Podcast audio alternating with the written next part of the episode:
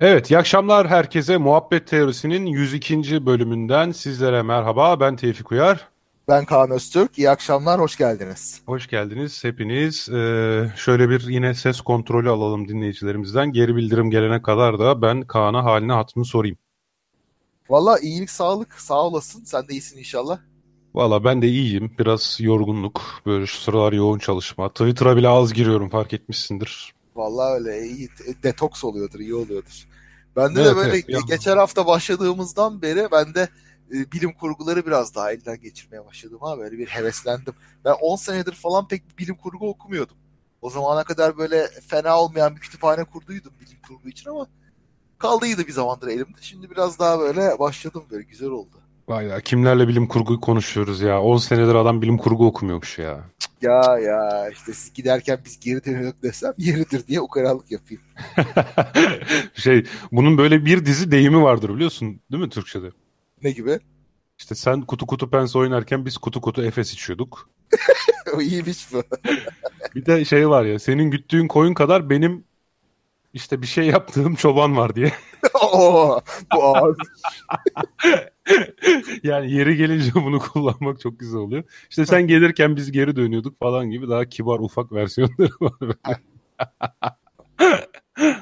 Valla şey dur bakayım. Neyi okudum bir? E, Metis'in se- serisinden böyle bir iki bir şey okudum. E, Mevki Uygarlığı Robert Sheckley'i okudum. O da güzelmiş böyle ne zamandır okumamıştım ikinci okuyuşum. Bir de şeye başladım. Robert Heinlein'ın Uzay Elbisemle Yolculuğa Hazırımına başladım. O da matrak böyle tatlı bir şey. Eski tabii. Benim ben demiştim ya böyle eski altın çağı falan meraklıyım diye. Onlar 60'lar oluyor. 70'ler mi oluyor o çağ diyorsun? Daha da eski 40'lar. 40'lar 50'ler. 40'lar evet biraz daha ama bilim kurgunun böyle daha dergilerde ucuz ıı, böyle hikayeler şeklinde yayınlandığı dönem biraz daha dönem olarak. Biraz ama işte Heinlein, Asimov, Clark falan onlar roman olarak bas basıyorlardı zaten. Evet ben de sana geçenlerde söylemiştim bu Rama meselesini bu Oumuamua sonrasında yeniden okudum daha Rama'nın ilk kitabını. Devam serisine bir ara devam edeceğim devamına. Ha evet. Rama'yı tekrar bastılar değil mi? Bas, bastılar. 90'larda bir basılmıştı herhalde o mu? O herhalde. E, güzel. Rama güzel seridir ya. Rama 2 ondan sonra di- diğer Ramalar falan. Onlar Valla ilk kitap bayağı iyiydi yani çok da gerçekçiydi. Ee, başarılı yani tabii takdir etmek bana düşmez de başarılı derken naçizane yani. tabii canım. Yani iyidir bayağı. Bayağı gerçekçidir Arthur Clarke gerçekten de. Bu arada geçen hafta programımızda andıktan bir gün sonra Ursula Le Guin'i kaybettik. Evet. Biliyorsun Üzücü. sen Evet, evet üzücü bir kayıp. Yani ben çok okuduğumu söyleyemem Le Guin'e ama takdir ederim tabii. Büyük isimlerden birisiydi. evet Le Guin e, yani ben hatta bir HBT'de köşe yazısı da yazdım. Evet, çok Ee, güzel. yani benzetilmekten gocunmayacağım tek yazardır diye tarif ettim. Aslında Le Guin ile Asimov ikisi de hemen aynı konuları tema alır. Yani ikisi de farklı gezegenlerde farklı kültürler hayal eder. Hı. Asimov daha çok olaya odaklanır. Çok edebiyat yapmaz. Böyle Le Guin'de çok edebiyat vardır. Hı. Yani edebi kaygı vardır ee, ve biraz daha sosyoloji ve psikoloji üzerine eğilir. Asimov'da daha böyle bilmece çözme.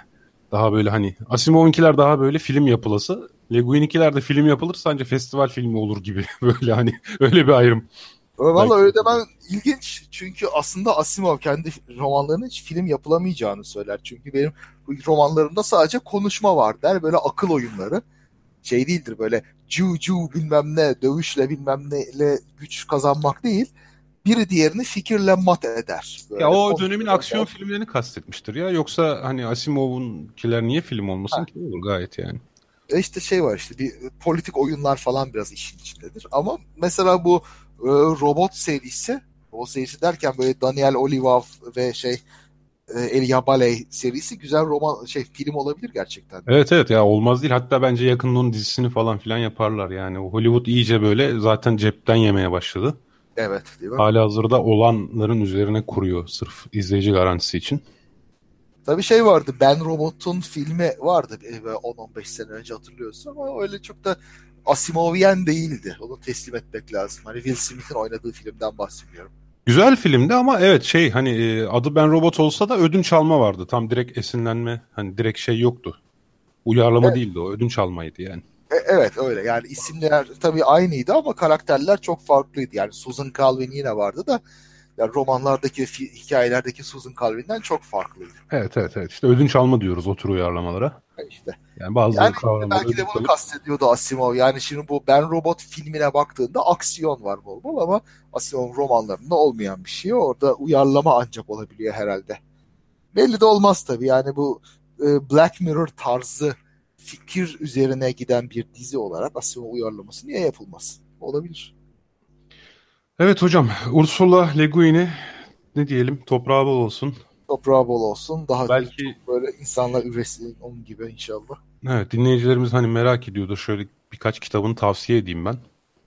Tabii şimdi Ursula Le Guin'in salt fantastik kitapları da vardır. Ben normalde fantastik diğer fantazyaları falan öyle kılıçlar, elfler, mefler onları okumam, bilmem. Yani çok da bilmem, ilgilenmem. Seven çok seviyor da benim niyeyse bir tür. Ben Yüzüklerin Efendisi'ni bile hiç okumadım yani. Ha, peki. Ee, ama Game of Thrones hoşuma gitmişti bu arada. Ama tabii oradaki entrikalar metrikalar süper. Yani onlar güzeldi. Onlardan dolayı herhalde. Ama Ursula Le Guin'in Yer Deniz serisi vardır. Çok güzeldir. Çok meşhurdur evet. Ben de okumadım ama. Evet. Çok güzeldir. Üç kitaplık bir seriydi. Bir açık evet. anlatır mısın ne üzerine? Bu büyülerin, büyücülüğün egemen olduğu bir dünya. Yani Harry Potter dünyası gibi düşün. Hı. Ama hani bütün dünya öyle ayrıca cadılar, insanlar falan diye ayrım yok da. Öyle bir e, dönemde Get diye bir karakter e, bir köylü çocuğuyken aslında potansiyeli var. Büyücülük okuluna e, yolu düşüyor ve zaman yani bu bir Almanlar bu da bir isim veriyordu. Ben bin, unuttum şu anda. Belki dinleyicilerimizden bilen vardır. Yani bir karakterin gelişim öyküsüdür bu. Hı, anladım. Önce bir karakter olur. Sonra bu karakterin geliştiğini görürüz. Sonra büyük bir düşmanla mücadele eder. Aslında bakarsan bu Spider-Man'inden tut Batman'ine bu tür evet. romanlara hatta pek çok hani bugüne kadar sevdiğin, düşündüğün e, filmlerde patern hep böyledir. Bir, bir karakter vardır. Bu karakter önce öylesine biridir. Evet. Sonra bu bir e, şans ya da yetenek veya işte bir potansiyel taşıdığı için o X, Y, Z bir şeye rast gelir. O bir şeyin peşinden gider. Bu sırada büyüyüp geliştiğini hissederiz, e, görürüz, seyrederiz. Ve en sonunda da büyük düşmanla karşılaşır ve onunla savaşır. Hı, tamam. Bunu Almanlar özel bir isim veriyor. Yani Almanlar her şeyi isim. roman. Ne? Bildungsroman diye biliyorum ben. Bilmiyorum, öyle mi? Tamam bilmiyorum doğrudur. Yani ben bir Almanca karşılığı olduğunu duymuştum da şu ben an o kelimeyi aslında, aslında şeyde de var. Benim sesim bana geri geliyor. Senin sesin açık galiba. Ee, kahramanın yolculuğu, Joe Campbell'ın kahramanın yolculuğu motifi de aslında böyledir.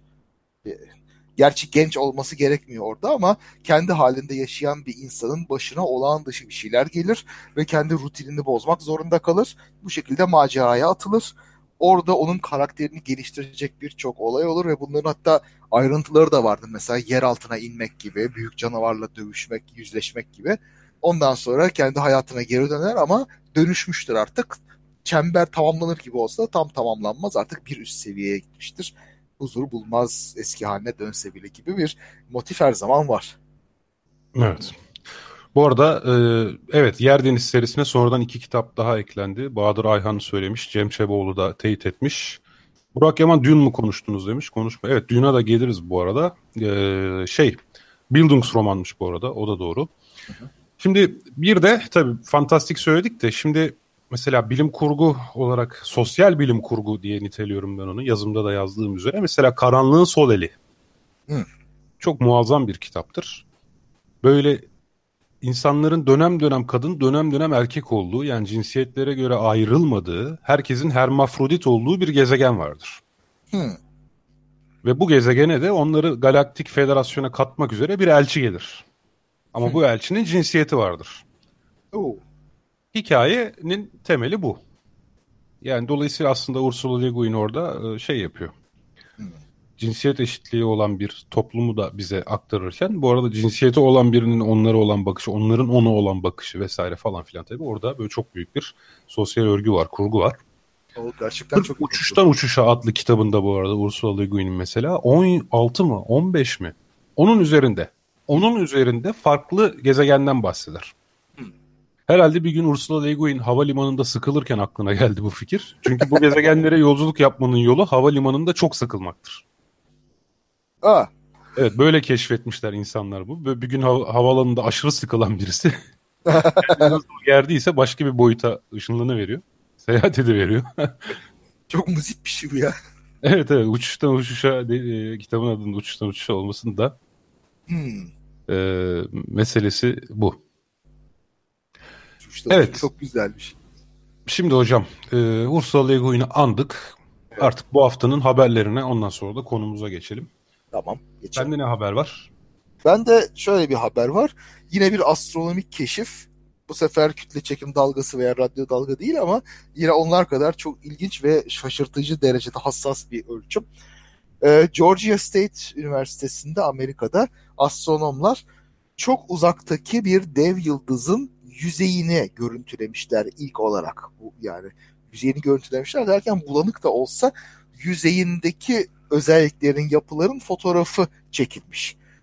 Şimdi e, şey var bizim e, yıldızımızda da yani güneşte de olan bir şey vardır. Konveksiyondan gelen hü- hücreler oluşur yüzeyde. E, merkezdeki sıcaktan dolayı plazma yukarıya doğru çıkar. Ondan sonra yüzeye geldiği zaman kenarları dönüp aşağıya doğru gider. Bu yan yana birçok yerde olduğu için petek petek bir görüntü oluşur yıldızın yüzeyinde. Güneşe de uygun bir teleskopla bakarsan bunu görüyorsun. Bu arada petek derken bayağı altıgen mi form olarak da gerçekten? çok düzenli olması gerekmiyor ama peteğimsi diyelim. Yani altıgen, yedigen olabiliyor ama yani öyle bir düzenlilik yok tabii. Anladım. Yani gr- gridüler bir yapı şey böyle. Gr- Granüler evet. Granüler bir yapı. Ee, güneşte bu 2000 kilometre falan büyüklükte oluyor bu hücreler. Şimdi bu e, bakılan yıldız çok uzakta e, şeyde P1 Gruis isimli şeyde e, Grus takım yıldızında bir dev yıldız.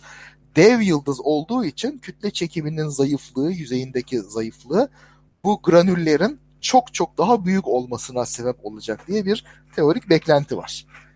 Burada bu yapılan gözlemde gerçekten de yıldızın yüzeyini kaplayan birkaç tane granül böyle hücre yapısı görülmüş. Bu teyit edilmiş durumda. Yani yıldızın çapının dörtte biri kadar büyüklükte şeyler hücreler var burada. Olağanüstü büyük. Evet. Bu, bunu gerçekten de görebilmişler fotoğraflarla. Tabii tek bir teleskopla olmuyor bu. Birkaç tane teleskopun görüntülerini be- bir interferometri ile birleştirerek yani değişik ışıkların girişimini sağlayarak çok, çok daha yüksek hassasiyette çözünürlükler sağlayabilmişler. Bu şekilde bir görüntü oluşturabilmişler. Bu işte müthiş bir şey tabii. Çok çok uzakta bir yıldızın yüzeyinin görüntülenebilmesi harika. Evet. Ha, bu, bu da e, Güneş'ten 350 kat daha büyük bir yıldız. O şekilde böyle bir şey e, görmek mümkün olabiliyor. Yani şeyden emin olamadım aklım takıldı. Çok önemli detay değil de gridüler demiştim ben de. Granüler granül tanecikli yapıda değil mi daha çok? Evet. Evet, evet. O da Yani- granül gibi şeyler. Yani, Grid derken ben hani kafes yapısı gridüler derken onu kastetmiştim. Ha, ha, e, grid de diyebilirsin ama granül granüler kullanılan dedin zaten. Evet.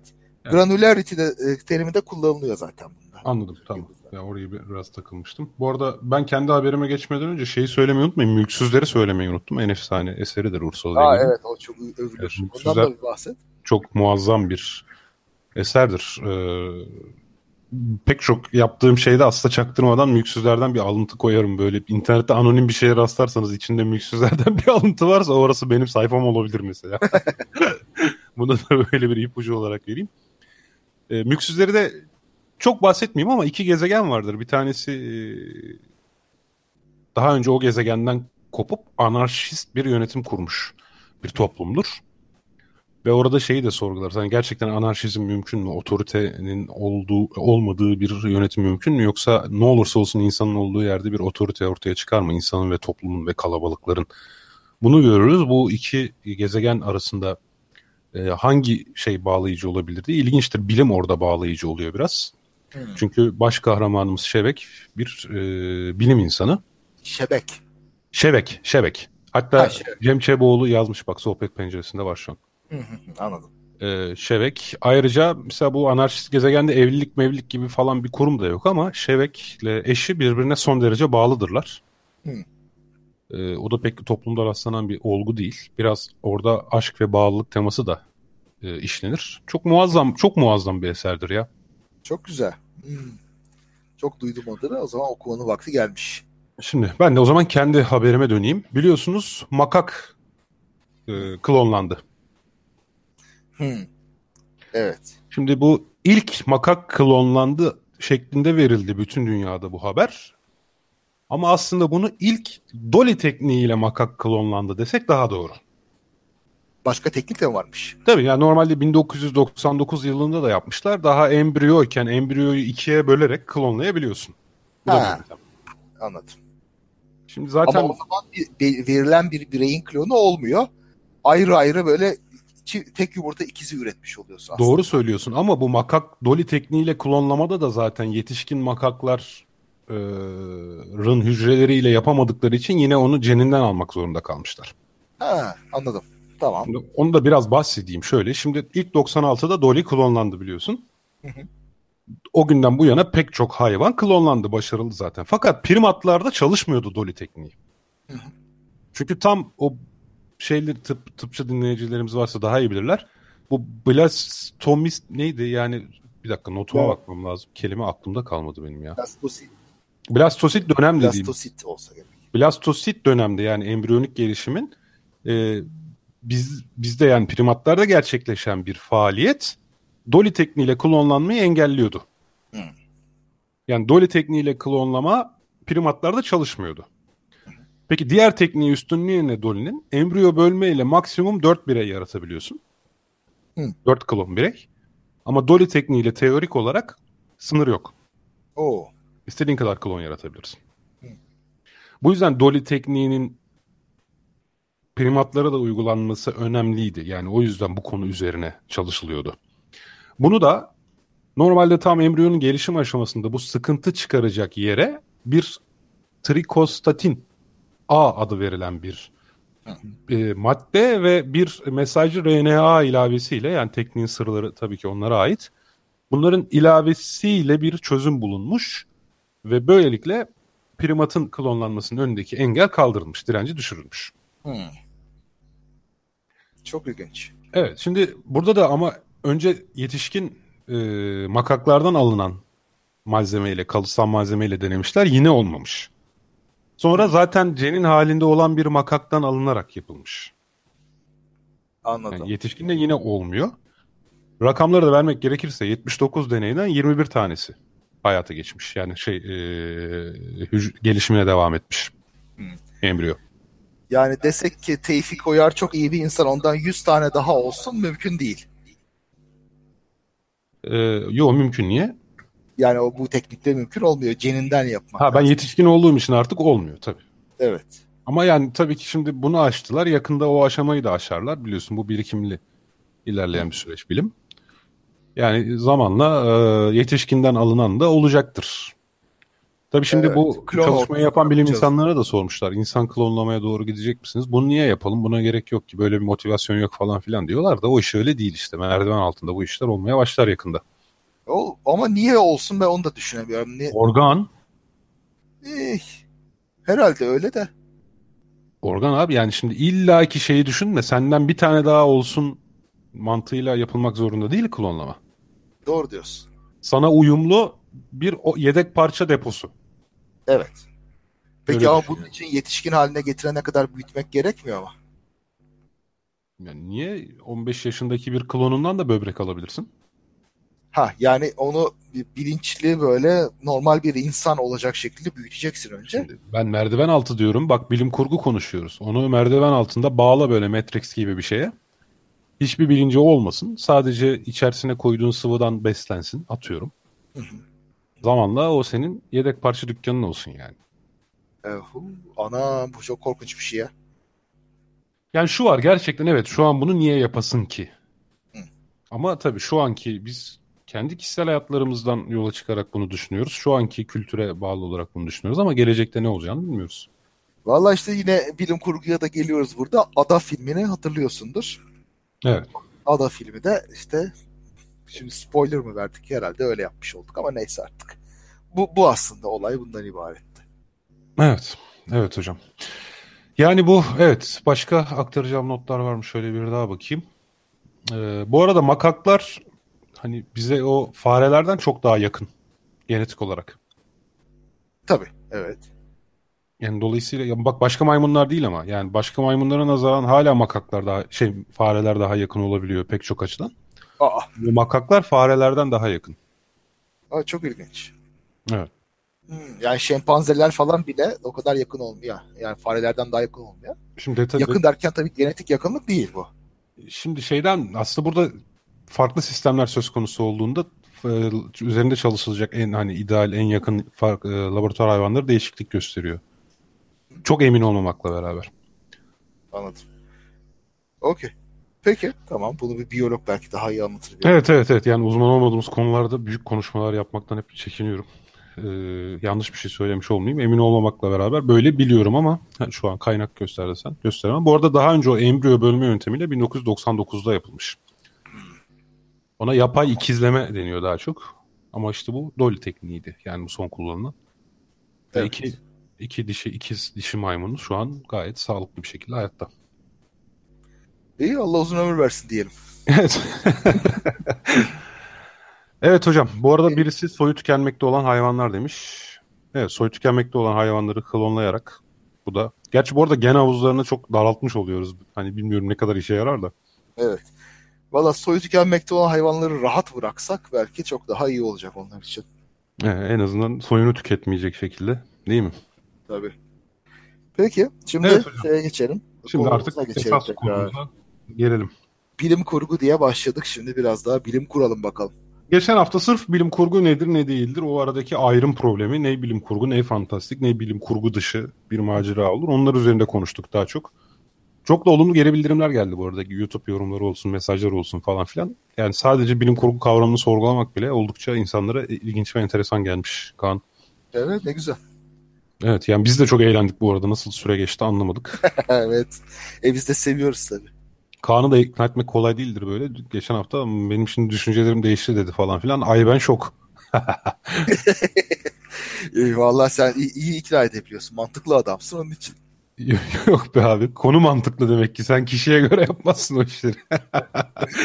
Argümanlar çok mantıklı yani. E tabii işte onu diyorum. Şimdi mesela senle programa başlamadan ufaktan böyle tartışıp sonra hadi programda konuşalım gerisini dediğimiz bir mevzu var. Evet değil mi? Daha net- netleştiremedik böyle. Evet önce ondan bahsedelim. Çünkü bugünkü konuşacağımız konuyla da bağlantılı. Toplumlar ve teknoloji evrim geçirir mi? Evet. Şimdi evrimi nasıl tanımladığına bağlı. Değişim geçirir tabii ki. Değişir ama bu evrim midir şimdi? Benim Ha. takıldığım nokta o. Senin takıldığın nokta o. Sen önce ben- kendi ya da Tamam. ben önce kendi iddiamı bahsedeyim. Ben şunu söylüyorum. Evrimle devrime ya biyolojik olarak terim anlamı ne yüklediğiniz o kadar da önemli değil ama bir değişim çok yavaş ve kısmi parçalar şeklinde ilerliyorsa evrim diyoruz. Eğer bir gecede bütün bir bütünüyle bir değişime uğruyorsa bu sınırın nerede çizdiysen artık bu sistemin ona da devrim diyoruz. Evolution, revolution. Ee, dur, tam dur, problemimizin ifadesi böyle değil de ama dem- demin söylediğimiz ama olsun. Yani e, toplumlarda neyse ya benim bu. Ben kelime anlamıyla kullanıyorum. Sen de diyorsun ki ama biz burada teknolojinin toplumun evrimini özellikle memetik konusuna gireceğiz az sonra. Kültürel evrimden bahsediyorsak diyorsun. Evet. Biyolojik evrimle olan yani terimsel anlamına yönelik bir şey- şeyler aramalıyız burada diyorsun. Değil mi?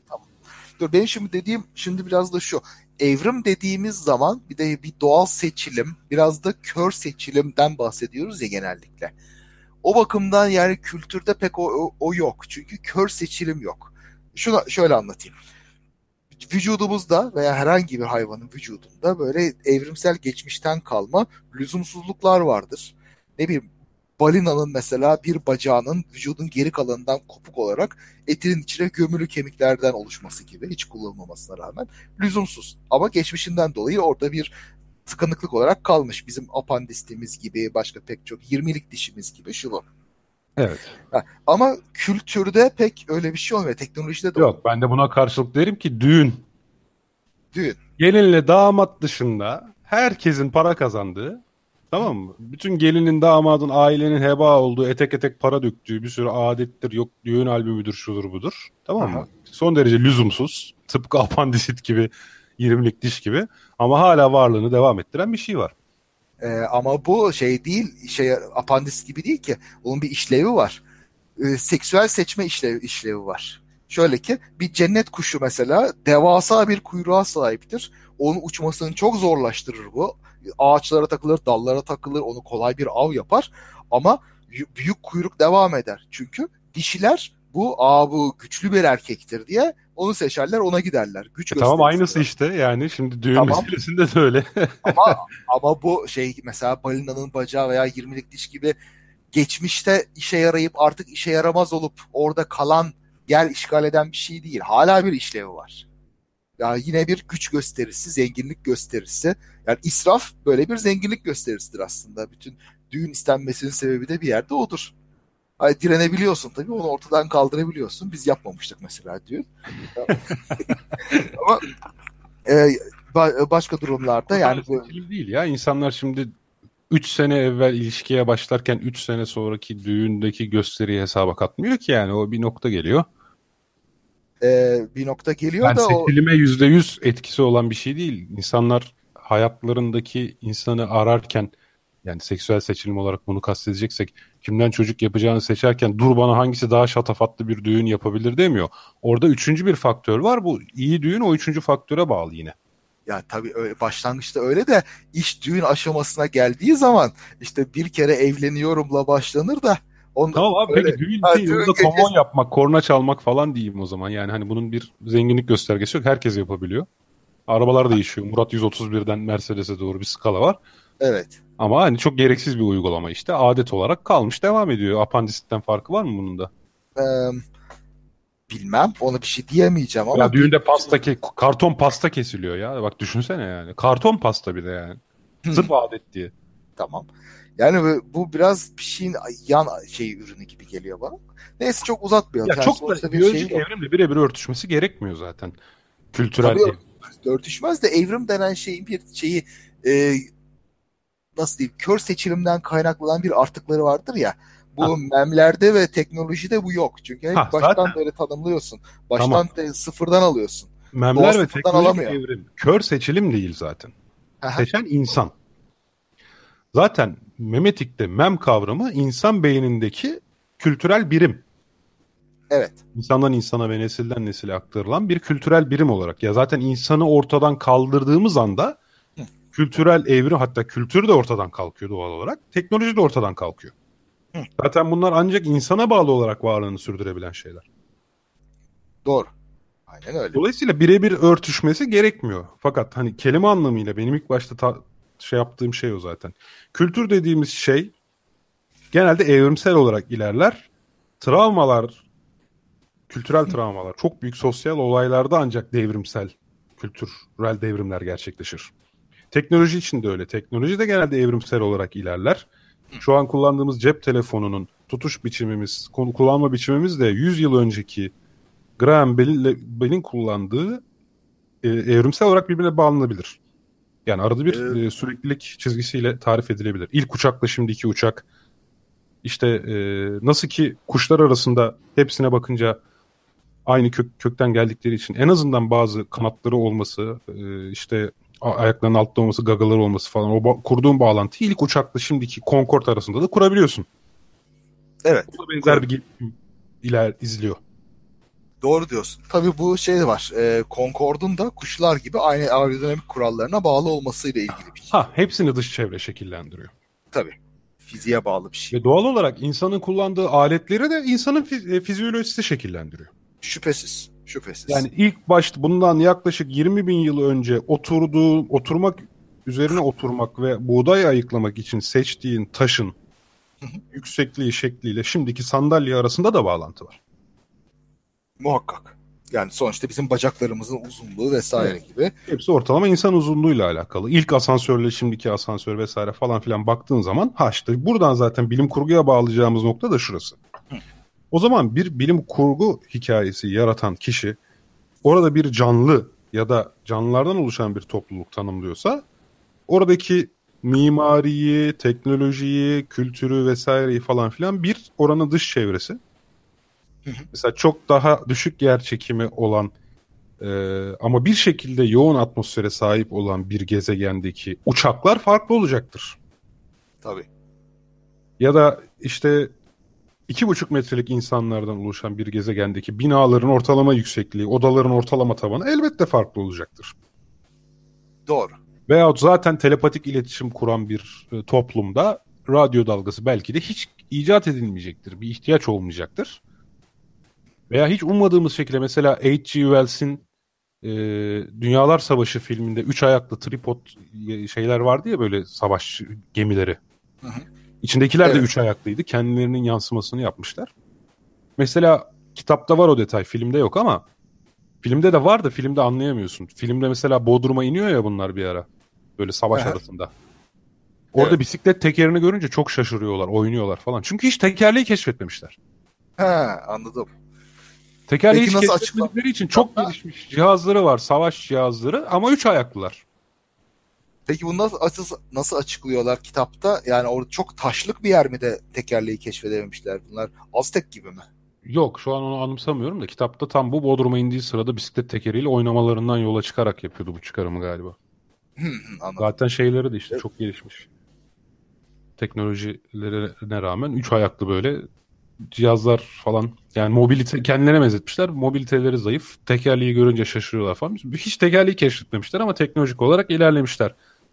Dolayısıyla tekerleğin keşfine bağlı bir bu evrim ağacında dal oluşmamış. Teknolojinin evrim ağacında. Evet anladım. Evet. Çok ilginç o. Evet. Peki o yani her yerde her şey olmaz tabii haliyle. Biraz fizyolojiye bağlı. Bir de şey de düşünüyorum acaba olabilecek ama bir şekilde eski takıntılar sebebiyle hiç gerçekleşmemiş kültürel dallar da olabilir mi? Yani ellerimizde yapabilirdik ama yap yapmamışız bir şekilde. Şimdi çok ilginçtir. Zamanında elle yapılan her türlü iş e, aşağı takımın tırnak içinde söylüyorum mesela. Ha. E, işi olarak görüldüğünden tıp ilmiyle zenginler hiç uğraşmazmış. Doğru diyor tabii. Cerrahlık çünkü böyle amele işi olarak görünüyormuş. Mesela buna ilginç... Ama yine ihtiyaç olduğu için tabii kalmış onlar. Tabii ama yani başka bir kesim ıı, şey yapmış. Şimdi bazı mesela bu tür kültürel tabuların hani sonucu nasıl etkileyeceğiyle ilgili bir örnek vereyim. Bu örneği çok başka yerde çok sık verdim ama mesela Grönland Vikingleri bunlar İzlanda'daki atalarından ayrılıp Grönland'a yerleştikten sonra Eskimolarla papaz oluyorlar. Eskimoları çok aşağı varlıklar olarak görüyorlar. Onları aşağı varlık olarak gördükleri için balık yemiyorlar. Ha. Eskimolar balık yiyor ya bunlar balık yiyorsa biz yemeyiz. Balık yemek adice bir şey olarak görünüyor. İzlandalı ataları her gün balık yemelerine rağmen Grönland Vikingleri balık yemeyi kesiyorlar. Bir süre sonra zaten açlıktan kırılıyorlar. Tabii vitaminsiz bilmem ne. Sırf kültürel tabudan ha. Halbuki mesela Eskimolardan balina avlama tekniklerini öğrenselerdi kendi gemicilik bilgileriyle birleştirip çok daha farklı teknolojiler icat edebilirlerdi. Evet değil mi? Böyle bir, bir kibir tabii bu. Mesela belki uzaylılarda da öyle ilginç, garip böyle beyinsel hatalar yüzünden çok bariz bir şeyler olmamış olabilir. Bir insan mesela bakar ya bunları bunlar niye icat etmemiş ya her şey var falan diye. Ama belki onların beyinlerinde aynı bizim beynimizdeki gibi öyle bir garip kör noktalar var ki ön yargılar, biaslar, yanılgılar, heuristikler falan. O sebeplerden, hatalardan dolayı görmemişler onu. Böyle bir hikaye var mıdır acaba? Hmm. Bir dakika şimdi bir daha düşünelim. Yani şimdi bizim beynimiz hatalı biliyoruz. Yani birçok evet. şeyi iyi görmüyor. E muhakkak başka düşünen canlıların da başka türlü hataları olacaktır. Çünkü evrimsel bir süreç bu yani mükemmel yapmıyor her şeyi. Boşluk bırakıyor, kısa yollara giriyor. E bu kısa yolların yarattığı hatalar var. Farklı bir ortamda yetişen bir canlının farklı kısa yolları dolayısıyla farklı kör noktaları ve hataları olacak. Ama Belki... şeydir o zaman yani hani o toplum 1 milyar nüfusa sahip olsa bile 10 tane bu kısa yola sahip olmayan adamlar zaten manyak bir icat bulunup diğerlerini satarlar falan. Zaten toplum diğerlerini düşünemediğini düşünen girişimcilerle beraber biraz hem ilerlemiyor mu? Hem icatlar hem şey anlamında. E, herhalde öyle tabii. Yani hiçbirini bütün toplumun göremediği bir şeyden bahsediyorsun değil mi? E, yok şart değil, şart değil. Yani o ama bias değil de kişi... kabiliyetle ilgili olabilir. Şimdi eğer evet, kromatik görseydik kuşlar gibi Aha. veya işte arılar gibi o zaman mesela baskı teknolojilerimiz falan farklı olurdu. Hı. Doğru. Mesela mor ötesi ışını görseydik teknolojimiz değişir. Mesela kızıl ötesi ışınları biz görebiliyor olsaydık Hı hı. Şey yapmazdık. Televizyon kumandası kızıl ötesiyle çalışır ya. Uzaktan Evet. kumandalar. Mesela onu yapmazdık. Çok rahatsız edici görüntü televizyondan şeye ışın uzanması falan. Ee, bilmem. Öyle oluyordu. Aslında olmaz görmezdik ki. Yani sen şimdi bir el fenerinin ışığını göremezsin ki huzmesini. Düştüğü yeri görürsün sadece. Aynı Tamam, şekilde. doğru söylüyorsun. Televizyonun üzerine düşüyor olacaktı böyle ya sürekli kırmızı. Onun yerine daha görünmeyen bir dalga boyuna kayardık. Kaymaz mıydık? Ee, kaymayabilirdik çünkü kızıl ötesini kullanmanın başka teknik sebepleri de olabilir. Ya şey gibi ve o- Ya, onun için sensörü Yok. Belki örneğim doğru olmadı ama söylemek istediğim kastet yani kastettiğimi anladın muhtemelen. Yani eğer Evet. görme duyma Tabii. kabiliyetlerimiz farklı olsaydı teknoloji de doğal olarak değişecekti. Mesela daha yüksek desibeller duyuma yönünde evrilseydik hoparlörlerimiz çok daha farklı olurdu. Evet. Ya da çok daha düşük dalga boylarını duyabilir hale gelseydik, şey görebilir hale gelseydik. Kullandığımız boyalardan ya mesela mikrodalga fırın çok görsel bir rahatsızlık yaratabilirdi hepimiz için. Doğru diyorsun tabii. Cayır cayır yanan bir şey olabilirdi doğru. Evet yani. Hatta bak kozmik anafor Zafer muhtemelen ilk uzaktan kumandalar görünür ışıkla çalışıyordu. Rahatsız edici olduğu için zamanla kızıl ötesine dönüştü demiş. Ha, haklıymışsın demek. ki. Evet. Tamam. Ve bak sana ilginç başka bir örnek daha vereyim. Aslında ilk dizel motorlar biyodizelle çalışmak üzere icat edilmişti zaten. Fakat Sahi o dönemde petrol bitkiden ucuzdu. Ha. Bugün Al. biz yeniden biyodizel teknolojisi geliştirmeye çalışıyoruz. Al bak işte işe bak. Evet çünkü bu- mevcut evet. araçların e, işte yanma odalarının dayandığı sıcaklıktan tut borulara kadar Hı. E, petrol türevli yakıta dayanıklı. Biz onun içine direkt biyodizel koyup çalıştıramıyoruz. Onun için yeniden o motoru dizayn edip şey yapman lazım. Ha, bak bu benim demin sorduğum şeye aslında bir örnek oldu. Hani demiştim ya e, evrimsel süreç içinde böyle takılmış takılıp kaldığın verimsiz yani gereksiz olan bir şey var mı diye. Buyur öyle bir şey bu da. Veya işte QWERTY klav- klavyeler de aynen öyle. Geçmişimizdeki bir verimsizlik tarihsellikten gelen ve onu kullana gelmişiz değiştiremiyoruz. Teknolojide şu anda çok çok var yani toplumumuzda bunların pek çok örneği var. Bir şeyin etrafına bir ekonomi kurmuşuz, bir ağ kurmuşuz, bir tedarik zinciri falan kurmuşuz. Artık onu değiştirmek aşırı pahalıya geleceği için değiştirmeden devam ediyoruz verimsiz olmasına rağmen. Doğru, doğru Buyur. işte bak. Buyur. Bir şey daha var. Çok güzel. Ahmet Aydın sormuş. Ya herkes renk körü olsaydı. Evet insan renk körü bir varlık olsaydı. Monokromatik görüşe sahip olsaydı. Heh. Ya da en azından bikromatik iki renkli falan. O zaman bugünkü pas, baskı teknolojilerinin, renk teknolojilerinin ikisinin bayağısı olmayacaktı. Düşünebiliyor musun? Hiç olmayacaktı yani. Evet, evet. Gerek ya. olmayacaktı zaten. Evet. Resimler siyah beyaz olacaktı sadece. Renk algısı olmayacaktı. Tabii şimdi şunu da düşünebiliriz. Şu anda da belki bir anlamda renk körüyüz. Çok dar bir bandı gördüğümüz için. Ha. Birazcık daha genişini görebilmenin ne demek olduğu hakkında hiçbir fikrimiz yok. Aynen öyle ve bunlar teknolojik yansımalar. Şimdi kültürel yansımaları da olacaktı. Çok basitinden örnek vereyim. Mesela geyler kendilerini ifade etmek için gökkuşağı kullanmayacaklardı. Hmm, Muhtemelen. evet. Yani başka bir sembolleri Tamam. olacaktı. Veya bak ben hep bunu ta yani bak şöyle söyleyeyim sana açık bilimden önce açık bilim 2010 yılı Kasım'da başlamıştı ya. Hı hı. Biz 2008'de muhabbet teorisi diye 3 bölümlük podcast yaptık. Ha, buyur. Tamam mı? 2008'de Ozan Oğuz Haktanır'la orada konuştuğumuz bir konuydu bu gene Mehmetik. Hı. Mesela tombalada 6 ile 9'u ayırt etmek için ne yapıyorsun abi? Altına çizgi çekiyorsun. Sebep? Ee, bilmem yeri temsil ediyor herhalde. Yer çekimi aşağıya doğru çünkü. Bizler Ha. yer çekimine bağlıyız. Bütün nesnelerimiz yatay bir satıh üzerinde durur. Doğru. Aşağısı demek bizim için yatay satıhtır. Tamam mı? Tabii. Eğer biz Jüpiter'de balonlar halinde uçan bir şey Heh. olsaydık, e, canlı grubu olsaydık ve tombalayı eskaza biz de oynuyor olsaydık 6 ile 9'u ayırt etmek için ya belki 6 ve 9 bile olmayacaktı. Hani 6 ve 9'u yazma biçimimiz bile farklı olacaktı ama diyelim ki aynı sayı sistemini geliştirdik. 6 ile 9'u ayırt etmek için başka bir şey kullanacaktık. Hmm, evet. Al bir de şeye e, pe- pek çok şeyde işaret için ok kullanıyoruz değil mi?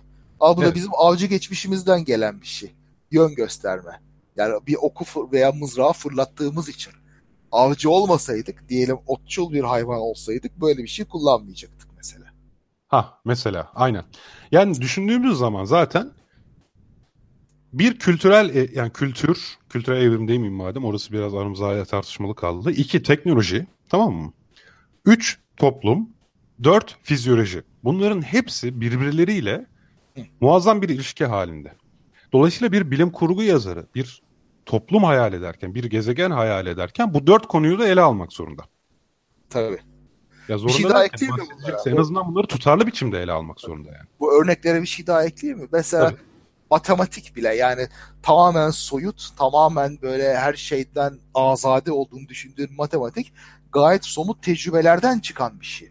Geometri işte toprağı ölçmemizden kaynaklanan, iki boyutta yaşamamızdan kaynaklanan. Evet, onluk sayı sistemi on parmağımız olmasından. Aynen öyle sayı teorisi yani ayrı şeyleri ay- ayırt edebilmemizden kaynaklanan bir şey.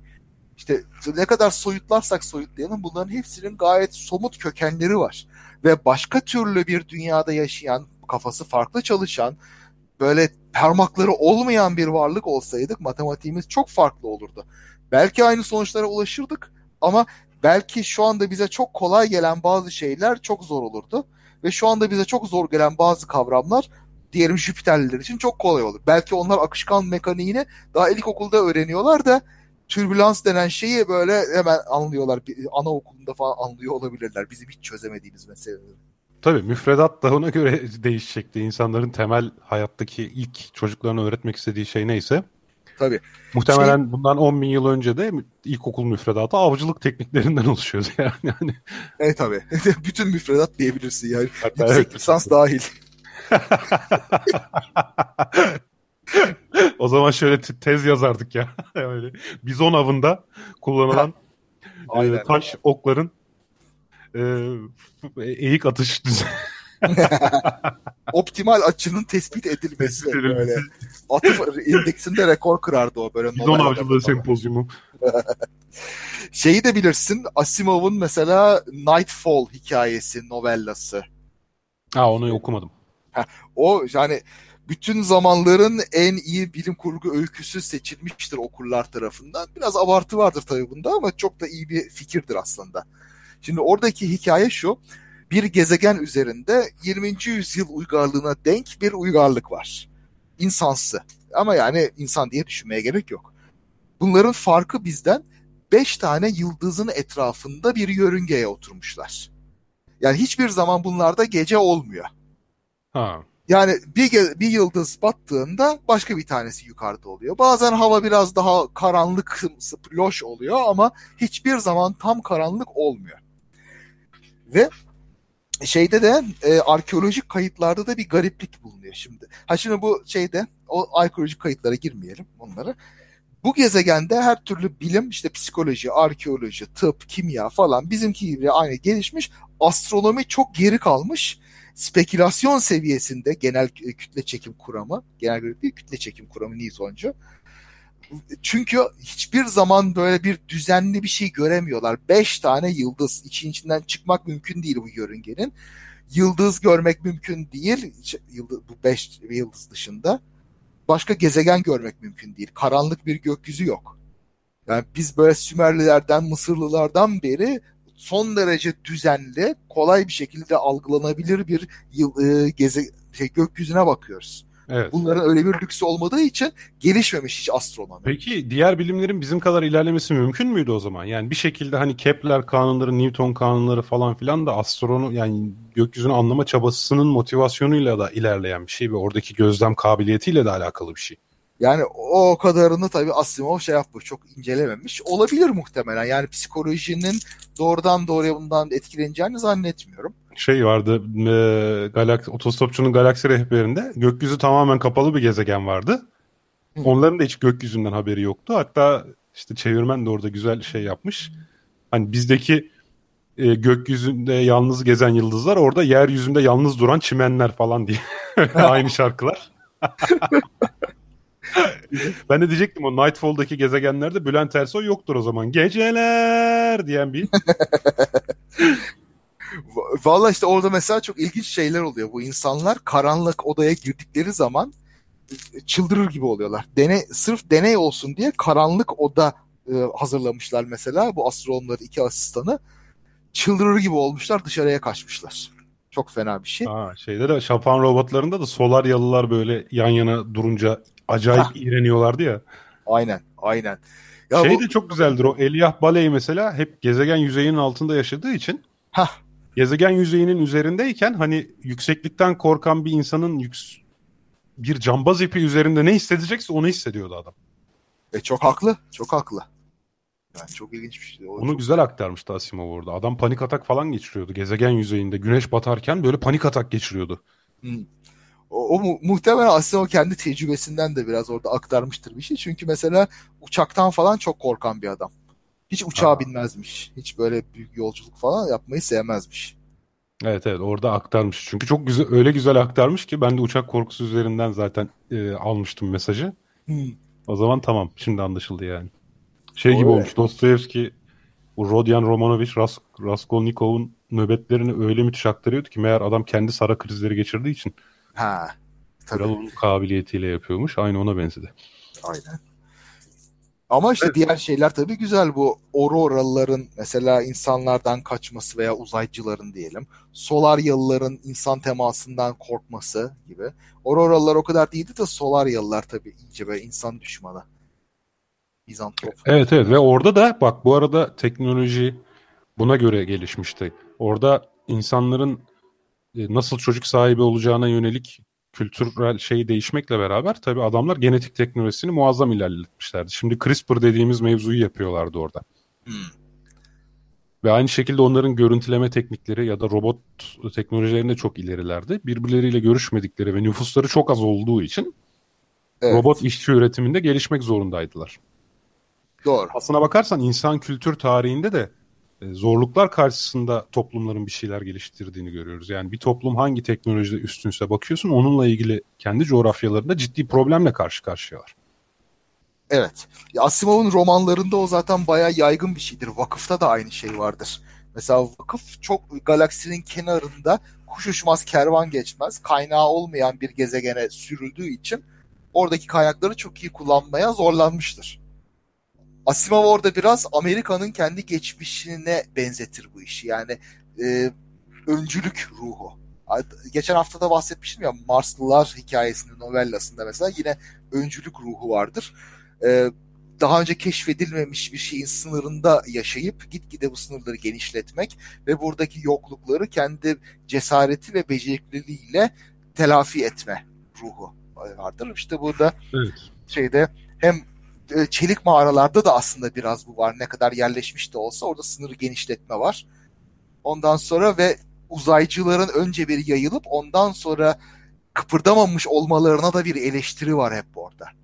Bu öncü ruhunu kaybetmiş olmak ve ondan sonra arkadan gelen dünyalılara geçilme şeyi motifi vardır yine orada. Öncü Yeri gelmişken bahsedelim o zaman. Burak Yaman söylemişti galiba dinleyicilerimizden. Dune. Dune da bunun için güzel bir örnektir. Gezegenin e, iklim şartları sebebiyle e, böyle su kaybını önleyecek acayip teknolojiler, teknolojik kıyafetlerle falan takılırlar ya.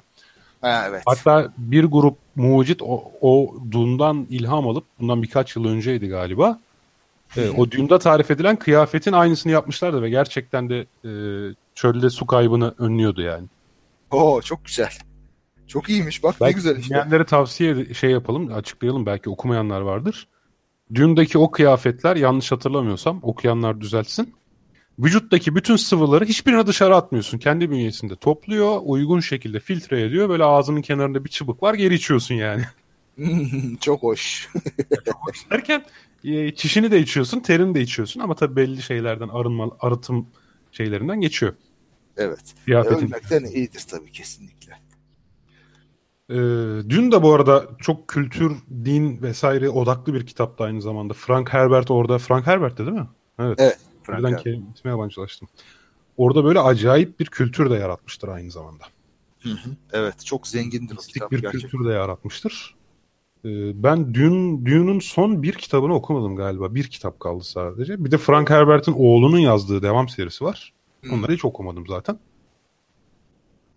Yani tabii çok da fazla da okunmuyor. Yani. Okuyacak çok şey var ya. Ya var ya bu da ayrı sıkıntı ya. Evet ya. Bu arada şeyi de e, Deus Ex Machina bizi uyardı, bilgi verdi. E, karanlık bir dünya olarak çevrildi şey. E, Nightfall. bakayım. E, Karanlık Çökerken diye çevrildiğini söylemiş. Benim elimdeki kitapta Karanlık Bir Dünya diye belki benimkisi eski bir çeviri olduğu içindir. Galaksi Şeytanları kitabı içinde bulunuyor. Kaan yaşlı arkadaşlar unutmayın ya böyle söylüyorsunuz ama onun Ya, elindeki çevirilerin isimleri farklı. Ya Hatta yaşlı Osmanlı alfabesiyle falan yazılmış. Uygur, Uygur. Göktürklerden böyle doğrudan alacaktım ama şey abi yaşım yetmedi. ha olsun. Ve baskısı yoktu Uygur zamanında herhalde. Evet, Yoksa abi. alırdın da. Ya işte sahaflar da azdı hemen bitiyordu Uygurlar da onun için. E, Demin de söylediler ya Metis yayınlarının serisi kolay bulunmuyor diye. E işte ben de zamanında almıştım kenarda duruyor. Tam seri olmamakla beraber epeyce de var. Ya Amerika'ya giderken yok evdeki kütüphaneyi küçültüyorum. Al bana dediğin kitapların arasında hiç öyle kitaplar yok. Benim kadar böyle Ee, okunmayacak kitap varsa onları verdin herhalde. e, işte öyle. Şey e, mesela tabii ben bu ilişkiye çok fazla şey yaptığım için kendi reklamımı yapayım biraz. Mesela Ketoke Kunura diye bir öyküm var benim. E, en son bilim kurgu kulübünde yayınlanmıştı. Güzel. Mesela oradaki canlıların böyle insan benzeri canlılar var. E, hala avcı toplayıcılık boyutundalar. Mesela onlar e, bir şeyi çok uzun uzun tartışıyorlar. Tartışmaları çok uzun sürüyor. Hmm. Bunun aslında fizyolojik bir sebebi var. Çünkü onların bizimki gibi ağızla kulak farklı organlar değil. Konuştukları organdan duyuyorlar. Bu yüzden konuşurken birbirlerini dinlemek zorundalar aslında. Yani bir konuşmanın sağlıklı ilerleyebilmesi için Aa güzelmiş. sözüne araya girsen bile seni duymaz o sırada konuşuyor çünkü ve kulağı duymuyor. E, Ha. dolayısıyla mesela bu insanlarda e, tartışma işte dünya tanrılar dünyayı yaratırken uzun uzun tartışmışlardır şeklinde başka bir mitle açıklansa da aslında bunun sebebi fizyoloji. Fakat buna hemen kendilerini dinsel bir şeye dönüştürmüşler. Çok güzel. Veya Güzel. bunlar sırt sırta çiftleşiyor. Hmm. Ee, aynı zamanda avcı hayvanlara karşı falan mücadele ederken veya savaşırken de sırt sırta olmak durumundalar ya. Aa, Bu yüzden evet. çiftleşmeye hayata karşı bir mücadele. Hani evliliğe bir hayat mücadelesi anlamını kolaylıkla yükleyebiliyorlar. Çünkü ikisinde de pratik aynı. Anladım. Güzel. Böyle şeyler geçmiştim Çok olaya. güzel, çok güzel bir fikirmiş. Detaylar. Çok güzel fikir. Bir ölçü okumuş sağ olsun. Cem Hoca demiş ki çok güzel bir öykü. Okudum ve ben Ursula Le Guin benzerliği var diye düşünmüştüm diye. Evet ben de biraz tabii ki Ursula Le Guin'den bu gibi konularda feyz alıyorum yani. İşte bö- böyle, böyle iyi örnekleri örnek almak iyidir. Ne- ne Evet hocam. evet. Velhasıl şimdi biraz daha sona doğru gelmek gerekirse yani Evet. tek mesela Matrix'i de ele alalım. Evet. Matrix'te de yine herkes yer altında yaşıyordu. Hı hı. Dolayısıyla bütün teknolojilerine baktığın zaman hani makinalara bağımlı yani arıtım teknolojileri vesaire falan filan bunları ilerletmek zorundaydılar. Tabii.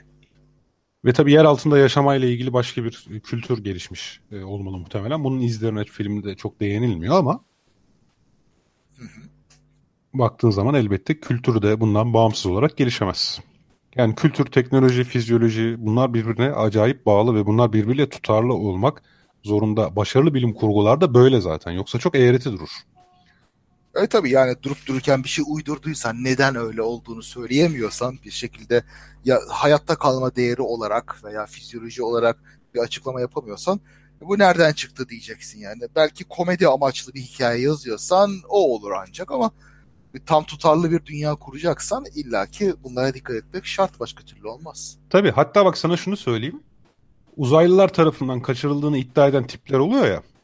Evet. Onların palavra atıp atmadıklarını tespitteki en önemli kriterlerden birisi onları orada gördüğü teknolojiyi tarif etmeleri istenir. Heh. Adamlar böyle çok dünyadan uzak bir teknoloji tarif edemezler. Evet. Hani herifler yıldızları aşıp gelmişler. Birilerini alıyorlar buradan hani kaçırıyorlar. Ee, bir kere zaten niye hani onları geri gönderiyorlar çok komik. niye kaçırıyorsun? Niye geri gönderiyorsun? Böyle. İkincisi e, adama mesela hani beni ameliyat ettiler şu bu falan filan diyor. Çoğu şey falan da diyor hatta hani çiftleştirdiler. Uzaylı bir kadın geldi. İğrendim ama sonra hoşuma gitti falan diye böyle ben çocukken çok okurdum bu uzaylı kaçırma öyküleri falan filan. Oo, fantezi yapmış resmen. Fantezi yapmış adam. Fakat işte tarif et dersin bakayım seni nasıl ameliyat ettiler falan. Köşedeki sağlık ocağında ne varsa onu anlatır adam. Ha. Tabii. Yani bu bir aynı zamanda palavra tespit kiti öğesidir yani. Doğru diyorsun. Tabii şu da var yani algıladığı şeyi ancak kendi anladığı kalıplara dökebildiği için de öyle söylüyor. Denebilir eğer başka elimizde ipucu olsaydı böyle açıklayabilirdik ama zaten başka ya, hiç... Tabii de mesela hani adam göz ameliyatı yaptılar derken o dönemin göz ameliyatı ile ilgili bir şeyden bahsediyor. İşte bugün kaçırılan olsa göz ameliyatı yaptılar derken muhtemelen lazerle yapılıyor ya artık öyle göz ha, ameliyatları. Evet. Onu anlatır. Doğru tabii. Tabii. Tabii hani hayal gücü kuvvetli olabilir. Çok tutarlı bir şey. Ya ben beni uzaylılar kaçırdı diye bir hikaye anlatacak olsam herhalde tutarlı anlatırım. Bu kadar bilim kurgu yazma çabası sonrasında biraz daha tutarlı bir şeyler anlatırım. Hani zaten tek kriter bu olamaz. Tabii. Ama genelde o işte bu, bu noktayı e, adamlar aşıyor. Tabii sen bir yazsan zaten beni uzaylılar kaçırdı diye ıı, neler çıkar kim bilir. Yani evet öykü olarak yazıyorsun sonuçta aynı şeyi. Bir nokta geliyor. Tabii. Yani işte zaten dönemine göre değişiyor. Şimdi uzaylı. Daha önce cin kaçırıyordu. Daha önce peri kaçırıyordu. Yani ne varsa revaçtaki şey günün fantazisi neyse o kaçırıyor her seferinde zaten. Aha evet aynen aynen. Yani öyle görme vakaları birbirine benziyor. Yani velhasıl e, sonuca gelecek olursak işte bunların her birisi bir tutarlı örgü. Aslında biz de öyle bir dünyada yaşıyoruz. İşte dedik ya tombala. Ya tombalada altının altına çizdiğin çizgi bile hani Değil bir mi? şekilde evet. bizim dünyayı algılayış biçimimizle alakalı. Hani bu arada son böyle bilim kurgu filmlerinden Arrival vardı. Orada da şeyi işlemişlerdi. Hmm. Bir dil teorisi vardı adını unuttum. Kesin bir dinleyicimiz biliyordur. Ee, böyle... Sapir-Whorf hipotezi. Ha, o hipotez doğru. Sapir-Whorf evet. hipotezine göre dilimizin organize olma biçimi aynı zamanda hayatı algılayış biçimi ve zekamızı da etkiliyor. Evet. evet. Orada yani, işlenen kuram yani filmde üzerine kurulan tezde şuydu. Şimdi biz soldan sağa yazıyoruz dili. Dolayısıyla zamansal anlamda bir akışı ifade ediyor. O gelen evet. ziyaretçilerin dili çember şeklindeydi ve bir başı bir sonu yoktu. Zamandan bağımsızdı. Evet. Bu yüzden bu kişiler aynı zamanda zamanı da lineer olarak algılamıyorlardı. Bütün olarak algılıyorlardı ve böylece zaman kavramı yoktu onlar için. Hmm. Hatta dizi, filmdeki başroldeki kadın da bu dili çözdükten sonra o da zamanda ileriyi geriyi görmeye başlıyordu. Evet. Tabii. bu çok şey bir hipotez. Yani abartılmış da. Tabii. Yani böyle dil öğrenince birden zamandan bağımsız hale gelinmeyecek de. Aha. Ama evet. tabii insan e, dilleri için baktığında gerçekten de farklı dilleri öğrenmek farklı konularda senin bilişsel güçlerini de artırıyor. O da ha, oraya gelecektim ben de. İşte mesela Çince yukarıdan aşağıya yazılıyor ya. Evet. Mesela onlardaki zaman kavramı e, geri ve ileri değil aşağı ve yukarı şeklinde imiş. Duyduğum kadarıyla. Biz geçmişten bahsederken geri ya da yarından bahsederken ileri deriz ya, ya ileride bir gün hallederiz falan diye. Evet. Şimdi ona yukarıda bir gün hallederiz. ha. Ama yine ters. Çünkü yukarıdan aşağı yazıyorlarsa geçmiş. Onlar aşağıda diyor. Pardon bilemiyorum da yani. Organizasyon ha. biçimi öyleymiş. Bir de şöyle duymuştum. Ee, bir pazarlama meselesi bu da. Mesela bir e, kellik ilacı diyeyim şampuan. Sola adamın önceki halini koyarlar. Sağa sonraki halini koyarlar ya. Evet. Adam aynı reklamı Arap ülkelerinde kullanmış. Ürün başarısız olmuş. Aa tabii bariz. Sağdan sola yapması lazım. Keli sağa, saçlıyı sola koyması lazım. Yani, yani tabii. Adamın organ, zihninin organizasyon biçimi sağdan sola çünkü. Bak işte evet. Bu, bak aslında bu rastgele bir tercih sağ veya sola doğru yazmak ve nasıl bizim algımızı etkiliyor bak bu kadar temel bir şey. Değil mi? Çok ilginç. Rastgele bir kültürel şey. Fizyolojik değil bak. Tarihi bir kaza sadece. Ve yani 100 sene önce doğan birisi için sa- sağdan sola bakmak doğal işte doğan demeyeyim de işte 100 sene önce çocuk olan yazmayı öğrenen birisi için sağdan sola bakmak doğal olacaktı. 100 sene içinde değişti. İki kuşak içinde değişti hatta. Ha Türkiye için diyorsun değil mi? Türkiye Tabii iki için, kuşakta evet. değişti yani. Tabii. Aynen. İlginç şeyler bunlar bak yani. Bunlar da, da değişimin bir örneği. Belki senin dediğin devrimci değişim işte bu yani. Dil devrimi boşuna demiyoruz. Ha dil devrimi işte bir gecede olmasından ötürü diyoruz zaten. Evet. Bir gecede evet. ca neydi? Bir gecede cahil bıraktı. ya. ya bunu diyen tipler de tamam mı? Ha. Bak ben oturdum Osmanlıca öğrendim. Yani okumayı yazmayı. Tamam. Hatta bayağıdır bakmadığım için hep unutuyorum tamam mı? Tabii. Böyle bazı bildiğim kelimeler var. Önce onları yazıp sağlamasını yapıyorum. Öyle hatırlıyorum. Hatırlama tekniğim de o. Ha. Ee, bunu böyle iddia eden adamlara soruyorum. Öğrendin mi peki? Hani atalarının bir şeyini okuyamıyorsun da. Heh. Öğrendin mi? Yani bu 5 günlük bir çabayla öğreniliyor. Hayır öğrenmedim. Ya neyin şikayetini yapıyorsun? Heh. Cahil kalmayı sen seçmişsin. Ne var bir alfabe öğrenmekte yani? Ya yok yani ba- bahane bunlar hep. Ya eskiden böyle cahil kalmamış olsaydık yani cahil kalacak bir durumumuz olsaydı zaten dil devrimine gerek kalmazdı. Senin Ah, böyle aynen, sağlam bir evet. okur yazar kitlen olsaydı yılda binlerce kitap basıyor olsaydın niye dil devrimi yapasın? Deli misin zaten? Gayet güzel işliyor her şey. Aynen öyle. Bu arada dil devrimi hani bildiğim tek zararı bildiğim. Onu da şeyden okumuştum. Peyami Safa'nın biyografisinden okumuştum. Hı hı. Hani böyle şeyler çok zorlukta kalmışlar. Ee, o dönem yayıncılık yapanlar. Ha. Satışlar düşmüş yani gerçekten. O. Bir, bir süre tabii bir süre herkes yeni dili idrak edene kadar falan. Ama bu arada zaten Osmanlı'da aydın kitlesi yani okuyan ve yazan kitle zaten Fransızca nedeniyle Latin alfabesiyle yazmayı okumayı biliyor. Yani o gene de küçük bir kısım kalıyor geriye kalan. Anladım. O açıdan yani kurtarılmış yine yavaş yavaş. Yani madem o konuyu açtık e, bence bir kayıp da kelime haznemizdeki bir kayıp da oldu. Yani Jeffrey Lewis'in çok güzel bir kitabı vardır dil devrimiyle ilgili. E, A Catastrophic Success der böyle alt başlıkta böyle felaketvari bir başarı yani. Felaket bir başarı desek güzel olur iki anlamda.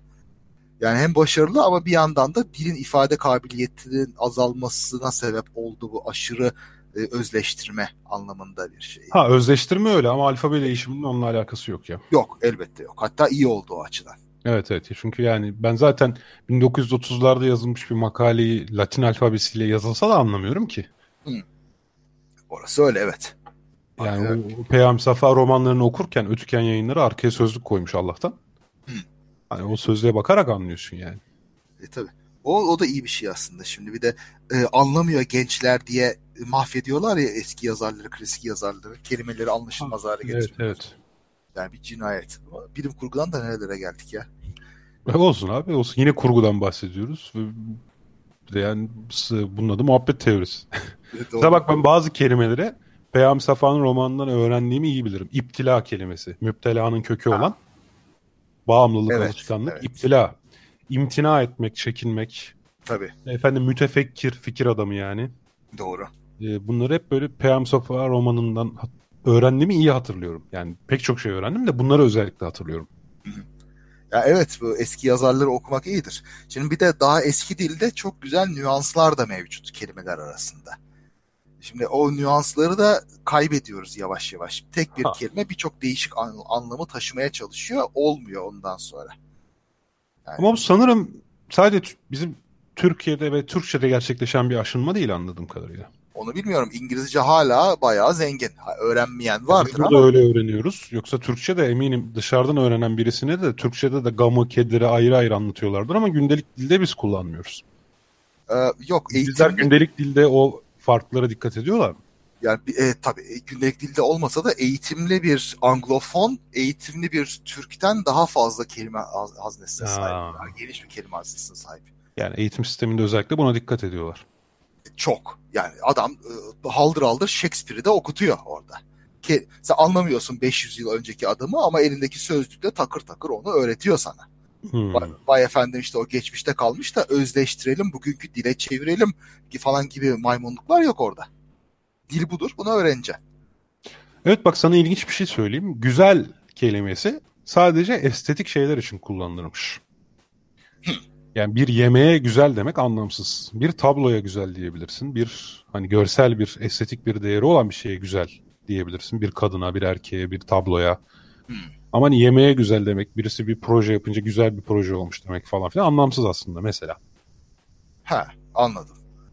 Bilmiyorum bunu belki dil değişimi içine koyabiliriz ama bir yandan da kelimelerin e, fazla gen, genişleyip birçok anlam alması açısından olumsuz bir gelişme de diyebiliriz. Şimdi biraz konu hızlı bir şekilde buraya geldi. Belki bunu biraz daha hazırlanarak incelemek lazım. Evet evet bu mevzuyu bence bir konuşmak lazım. Ee, belki bir dil bilimci bizim Emre Yağlı'yı çağırabiliriz. Ha, güzel olur. Emre Yağlı ile Tamam. falan bir gün bu bilim kurgu serisini bitirdikten sonra dil mevzuna gelelim abi. Ne dersin? Olabilir, güzel. Tamam. Tamam öyle bir şey yapalım. Programın da bugünkü sonuna geldik. Bir saat beş dakika falan oldu herhalde. Evet. Ee, Evet güzel kapatabiliriz Tamam artık kapatalım bugün. Yani bilim kurgudan örnekler vererek aslında teknoloji, e, sosyoloji vesaire öyle bu tür ilişkileri konuştuk. Kafa açıcı olduğuna inanıyorum yani. Güzel oluyor böyle şeyleri konuşmak, düşünmek. Hoş yani. Çok çok. Evet, alternatiflere bakmak her zaman çok güzel oluyor. Evet, evet, evet. O zaman dinleyicilerimize de çok teşekkür ediyoruz. Program boyunca e, bizlere katkıda bulundular. Bugün çok dinleyici mesajı okuyamadık. E, yani biraz konumuz çok sıkıştığı için belki. Evet. E, haftaya normal bir yayın günü mü olacak yoksa dur bakayım. Evet haftaya 6'sında normal bir yayınımız var. 11'inde kameradayız yine. Dom sponsorluğunda. Evet. Bir canlı yayın gerçekleştireceğiz. Hepinizi oraya da bekliyoruz. Evet orada görüşmek üzere. Gelebilecek kadar. Tamam. Herkese çok teşekkürler. Sabrınız için Ha, sağ olun. son bir duyuru. Çok özür dilerim abi. Ee, ikisinde yani ayın ikisinde bu cuma günü akşam 7.30'da Penguen Kültür'de bizim Yeryüzü Müzesi adlı kitabımızın lansmanı var. Hepinizi bekleriz. Çok güzel. Ben de Kaan sen de gel. Sana yakın Kalıköy. Memnuniyetle tabii Cuma ki. akşam buluşalım. Buluşuruz. Orada olacağım. Tamamdır. O zaman görüşmek üzere. Herkese iyi akşamlar diliyoruz. İyi akşamlar. Görüşmek üzere. Daha fazla bilgi edinmek isteyenler Tarihi Osmanlı Mecmuası'nın 3. cüzünün 1912. sayfasına bakabilirler efendim.